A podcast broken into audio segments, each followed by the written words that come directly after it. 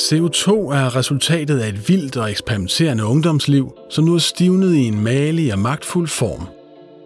Vi tegner et portræt af tidens mest omdiskuterede molekyle, der rent kemisk er ret kedeligt, men som kan få afgørende civilisatorisk betydning.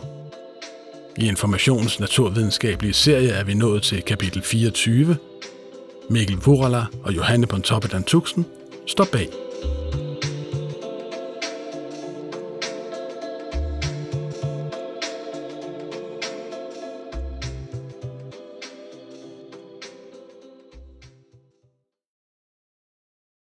Tænk på duften af fyretræer, som indhylder dig, når du en sommerdag går mod stranden. Den mørke og krydrede lugt af harpix stammer blandt andet fra et af verdens mange skønne molekyler, nemlig det, der hedder alfapinen, og består af 10 kulstofatomer og 16 brintatomer, sat sirligt sammen af træet selv og udsendt til den omgivende luft. Fyreduften er et eksempel på, hvordan et enkelt molekyle kan være prægtigt og måske ligefrem forførende, og med den slags vidunderlige eksistenser dansende rundt i luften, kan det virke utaknemmeligt, at en temmelig kedelig fætter i molekylernes mangfoldige familie er løbet med al opmærksomheden på det seneste. Tidens nok mest omtalte molekyle hedder kuldioxid eller CO2, og på en måde er det kommet let til berømmelsen. Molekylet har ikke skulle gøre andet end at lade mennesket udlede sig til atmosfæren i kolossale mængder – så begyndte temperaturen at stige sammen med frygten for, at kloden var ved at forandres på en måde, som ville gøre verden til et markant værre sted at leve. Og pludselig var CO2 på alles læber. Så hvad er det egentlig for et molekyle? Lad os prøve at tegne et portræt. Hvis vi tager et enkelt molekyle CO2 og vender og drejer det i hånden, vil vi se, at det består af tre atomer bundet sammen på en ikke særlig spændende måde – et iltatom efterfulgt af et kulstofatom efterfulgt af et iltatom i en lige linje. Så kedeligt behøver det ikke være. Vand, der også består af tre atomer, er mere kægt og ligner Mickey Mouse med et iltatom som hoved og to brintatomer som ører. Men det er ikke bare CO2's udseende, der er lidt kedeligt. Hvis vi forestiller os, at du fik CO2 som borherre ved et middagsselskab, så vil det blive en lang aften. En ældre, konservativ og temmelig selvtilstrækkelig type vil sætte sig ved din side, og han vil både være umulig at snakke med og umulig at slippe af med. CO2 er nemlig ikke et særligt reaktivt molekyle. Jo, det kan opsnappes af planter og opløses i havet, men når først det er i luften, bliver det gerne hængende i op mod 200 år, uden at interagere særlig meget med sine omgivelser. Du skal altså ikke regne med at få meget respons, når du til middagsselskabet fortæller din borherre om dit eget spontane, fede og frie liv, hvor du hele tiden indgår i nye relationer. Hvis der egentlig skulle falde en enkelt kommentar fra din molekylære sidemarker, ville den nok lyde, at det pjat havde den da allerede prøvet og for længst lagt bag sig.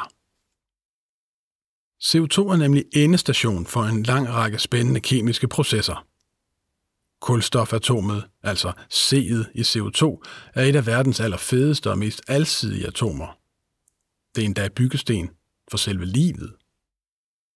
Kulstofatomer kan binde sig sammen med hinanden og blive til både sort, blød grafit og til klar, knaldhård diamant, og kulstof indgår i millioner af forskellige forbindelser med andre stoffer. Kulstofatomet har altså haft et meget rigt liv, før det en dag binder sig sammen med to iltmolekyler og bliver til CO2. Det bliver dannet overalt. For eksempel når noget kulstofholdigt brændes af, som træ eller olie, eller dig selv, når dit afsjælede læge en skønne dag runder krematoriets store ovn.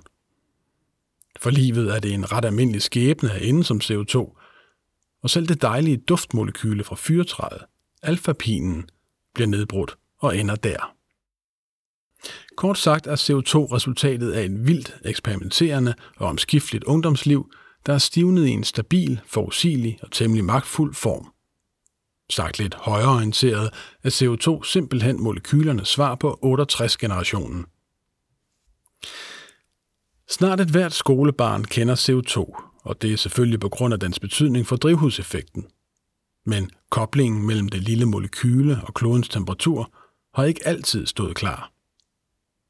Afdækningen begyndte tilbage i 1820'erne med den franske videnskabsmand Joseph Fourier. Efter at have rejst med Napoleon på felttog i Ægypten, var han blevet både baron, Ægypten-ekspert og en førende akademiker. Og her i sine 50'ere var han begyndt at spekulere over varme og varmens egenskaber. Nu forestillede han sig, at jordens atmosfære måtte have en form for isolerende effekt. Måske den var mere villig til at lade solens energi passere gennem sig på vej ind end på vej ud, tænkte han. I hvert fald skulle vi prise os lykkelige for atmosfæren, for uden denne luftige frakke ville planeten være markant koldere. Og det havde han helt ret i. I dag ved vi, at jordens gennemsnitstemperatur er omtrent 15 grader nede ved overfladen, og uden atmosfæren ville have været minus 18 grader. Hvordan opvarmning egentlig virkede, vidste man ikke i samtiden. Men hypotesen lød, at solens stråler var af en type, som relativt let kunne forsere atmosfæren, som for eksempel lys. Når de stråler så ramte jorden, blev en del sendt tilbage mod rummet som varmestråling, og denne returstråling løb åbenbart ind i noget bøvl på sin vej ud gennem atmosfæren. Det var det forhold, som siden fik navnet drivhuseffekten. Selvom det ikke er verdens mest præcise metafor, så beskriver den ganske fint, at atmosfæren holder på varmen for en stund. Et stort mysterium var dog fortsat, hvordan atmosfæren fik varmen til at blive lidt længere. Det var britten John Tyndall, der fik æren for at knække den nød. En sammensat person, der både gik op i at lave avancerede eksperimenter og klatre rundt i alberne. Faktisk var han den første til at bestige bjerget Weisshorn i Schweiz, og som så mange af tidens andre gletsjerkravlere interesserede han sig for, hvilke mekanismer, der havde ført til fortidens istider. Måske, spekulerede han, kunne forhold i atmosfæren forandre klimaet.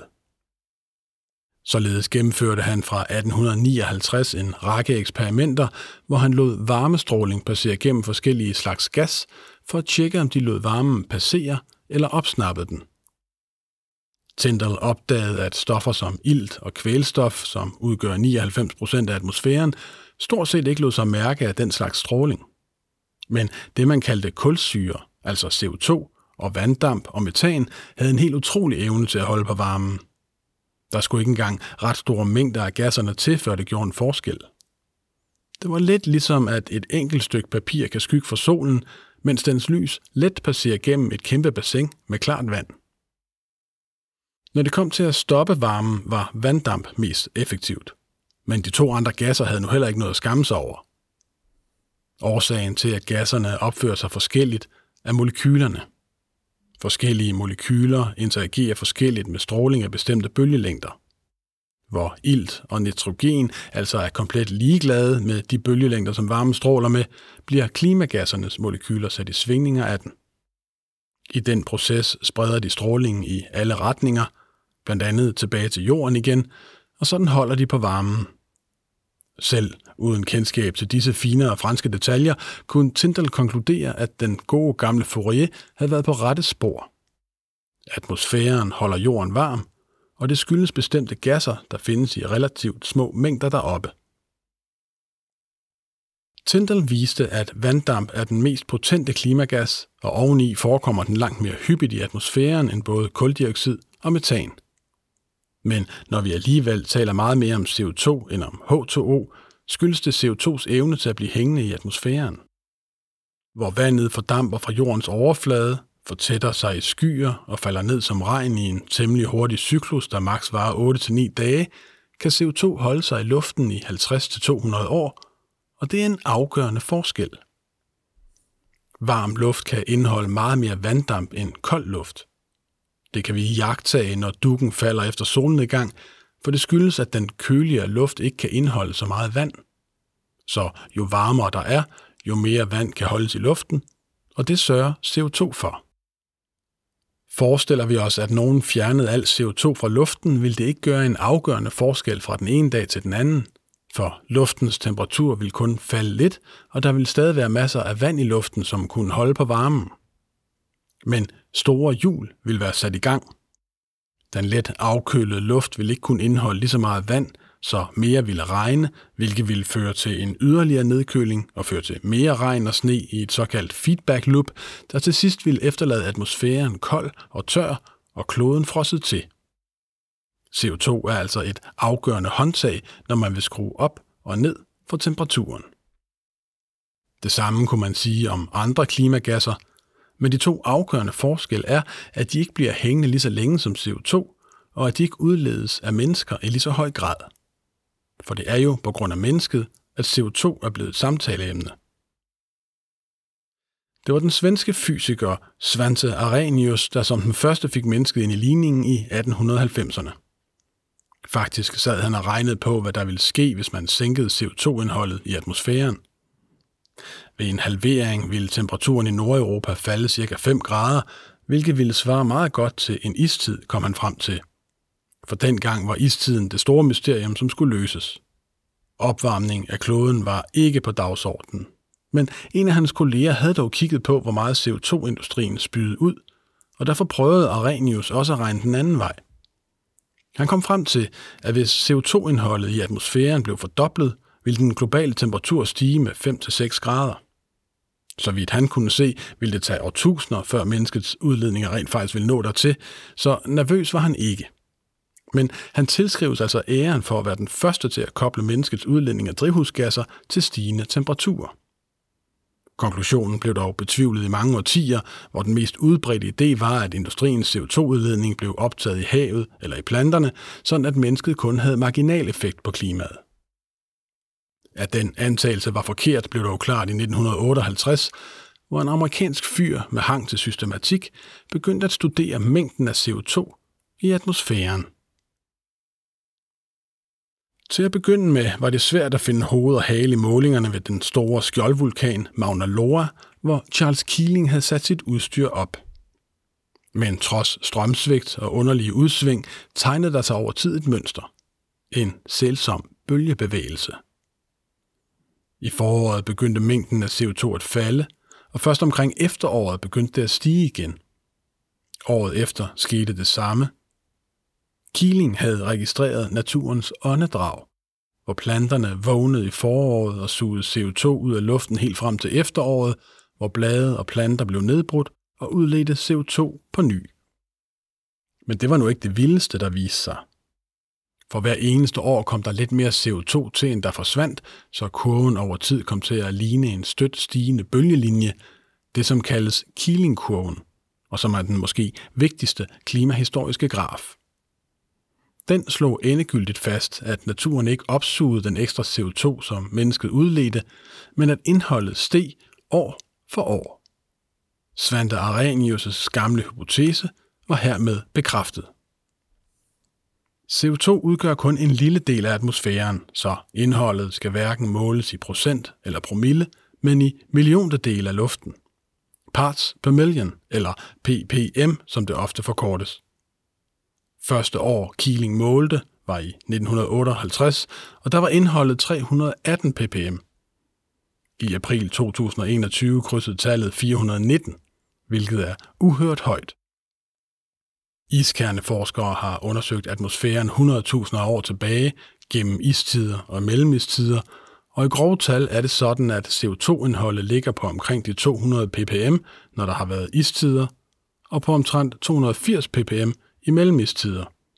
Herunder den seneste mellemistid, som er den periode, vi har opbygget den menneskelige civilisation i. På intet tidspunkt i de seneste 800.000 år har indholdet været i nærheden af de 419 ppm, som det er i dag. Det er derfor, CO2 er blevet en superstjerne, eller måske snarere en superskurk, uden egentlig at gøre andet, end det altid har gjort. At vibrere, når det udsættes for varmestråling. Så selvom CO2 er for velkendt og for forudsigeligt til at være spændende rent kemisk, så det viser sig at være afgørende rent civilisatorisk. CO2 er blevet menneskets skæbne molekyle. Og selvom det altså ikke vil være verdens bedste samtalepartner til et middagsselskab, er det lille og stabile molekyle i dag vævet så tæt sammen med menneskeheden, at disse to størrelser i fællesskab vil forme klodens fremtid de næste mange tusind år.